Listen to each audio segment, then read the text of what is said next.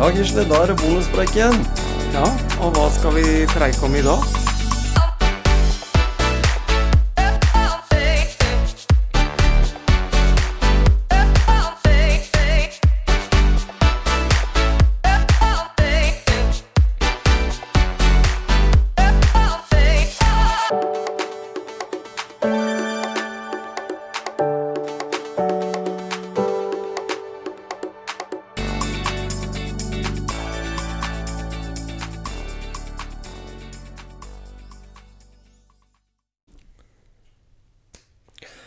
Ja, bonuspreik, Gisle.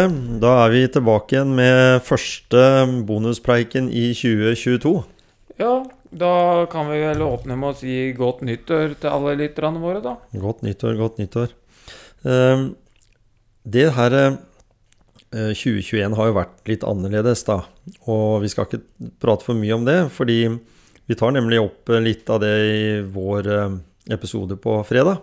Som går litt på hva som har skjedd for oss i mellom eh, noen og 50 episoder i, i 2021. Ja, det er litt artig å sitte og ha en liten sånn kavalkade, da. Mm. Og så prate om det vi vi kan, ikke, vi kan ikke ta med oss alle gjestene eh, den gangen, men vi har plukka ut en, eh, en, li, en liten uh, bukett, kan vi vel si. Det har vi. Og, og så har vi jo det som alltid skjer nå i januar. Det der med begynne å trene. Det å få fokus på, på trening, og så tenke at ja, jeg, jeg utsetter. Jeg begynner i hvert fall ikke i midten av desember. Jeg må vente til 1. januar. Jeg må melde meg inn på treningssenter da. Mm. Og treningsbransjen har jo lidd litt nå under dette her koronaopplegget, da, med, med at ikke kan ha gruppetreninger. For det har jo vært den kanskje største motivasjonen for mange til å komme i gang. At du blir pusha litt eh, av, og har andre rundt deg, sånn at ikke du står der én til én.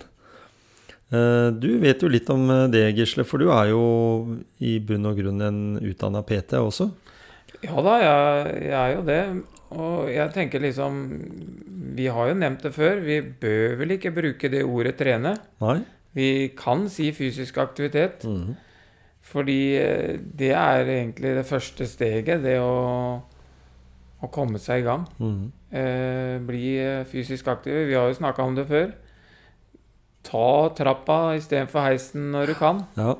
Det er så enkelt å liksom Ta til venstre der, Nå jeg Nå har jeg et sånt bilde inni huet der trappa er til høyre og heisen er til venstre. Og så er det liksom Så kommer folk inn, og så går de rett og trykker på den knappen. Mm, mm. Og så kanskje Det skal ikke jeg være noe besserwisser på, da, men, men jeg tror at man kan velge trappa isteden, da. Og jeg, jeg må jo si det, jeg jobber i et bygg som har tre etasjer. Eh, det vil si at det er fire da, hvis jeg står i kjelleren i garderoben. Eh, og jeg eh, bruker heisen kun fordi jeg må ta sykkelen min en etasje ned i kjelleren, fordi det er litt kronglete å gå i trappa med den. Men, men jeg, har, jeg har observert at et par stykker som da ikke jobber i samme etasjen som meg i andre etasje, jobber kanskje i tre, da, alltid tar heisen fra kjelleren. Og nå, nå, ikke, nå kan det godt hende at du lytter på podkasten vår, så det er ikke for å ta deg på noen som helst måte. Og det kan jo godt hende at du neste gang kan si til meg at uh, jeg har et veldig vondt kne eller noe sånt. Ja, Det kan godt være at det vet ikke jeg noen Nei, ting om. Det vet ikke vi noe Men, om. jeg det er tenker at den heisen opp til den uh, andre eller tredje etasjen, de, de få trappetrinnene det er snakk om, jeg tror kanskje, hvis jeg teller etter, så er det kanskje 18-20 trapp, trappetrinn i hver etasje, eh, kan være en god start eller en god avslutning på, på arbeidsdagen. Mm. Også, nei, for jeg, jeg bare satt og så tenkte Og så satt jeg og skrabla, skravla litt på bloggen, da, og da Da tenker jeg Det som jeg tenkte på, og det har jeg skrevet i overskriften hvor, Hvorfor er det så vanskelig å være regelmessig fysisk aktiv når prikk, prikk, prikk? Mm. At det er så mange gunstige, positive påvirkninger på kroppen. Mm. Kall det en slags medisin, da. Mm. Det, er, det, er, det spørsmålet der henger litt i lufta for meg. Mm. For jeg skjønner jo at det ikke er lett. uh, og det, jeg hadde litt lyst til å finne ut av om det er noen som har noen tanker om hvorfor er det sånn det er. Jeg tror jeg har svar på det, men jeg skal ikke komme med svara nå. Jeg tenker at vi kan spørre noen gjester framover, ja, Mm. som er opptatt av fysisk aktivitet. Og at det kanskje ikke det bør gjøres så veldig innvikla og vanskelig. Nei. At de har enkle metoder. Men, men, syns, men syns du, eh, når, i det øyeblikket du skal gå en tur med bikkja om morgenen, ser du det som en nødvendighet bare for bikkja, eller også for deg sjøl? Noen ganger så, så, så er det sånn uh, Sånn. For Ja. meg òg. Ja, ja. Eh, som regel så er det sånn at når jeg har vært ute, så har jeg i hvert fall ikke angra. Nei. Nei, det har jeg ikke. Og det som er også litt eh, interessant, da, det er at eh, bikkja mi den har aldri sagt nei Nei. når jeg spør om vi skal ut på tur. Nei. Og det er jeg litt usikker på. Mm. Det er mulig at det er fordi den ikke har toalett inne. Ja. Tror du det bare er det? Tror du det er bare toalettfølelsen? Jeg, jeg, vet, jeg vet ikke. Nei. Jeg vet ikke. Men eh, altså, skjøn, skjøn, altså Jeg tenker jo det, jeg også. Vi har jo tre bikkjer hjemme, og innimellom jeg faktisk Nei, ikke akkurat nå, men normalt så kan noen ganger, eller noen ganger kan vi ha fem òg. Og da er det et problem å gå aleine. Det er jo litt problematisk å gå aleine med tre, da, fordi jeg eh, tenker at eh, hvor skal jeg holde banda hen? ja, Jeg har bare sant? to hender, armer, og de vil jo alltid gå motsatt vei av hverandre. Men uansett så er det sånn svær vrangknute på banda når vi kommer hjem. Men allikevel, jeg, jeg syns jo at vi skal kanskje spørre en hund en gang. hvis vi kan. ja, ja, ja, så kan du spørre bikkja mi, da. Ja. Den, eh, den kan prate. Ja, Men den, den har litt eh, problemer med L-ene, da. jeg har det, ja. Så det må man ta høyde for. For jeg, jeg spør skal du ha brød eller loff. Voff! Ja.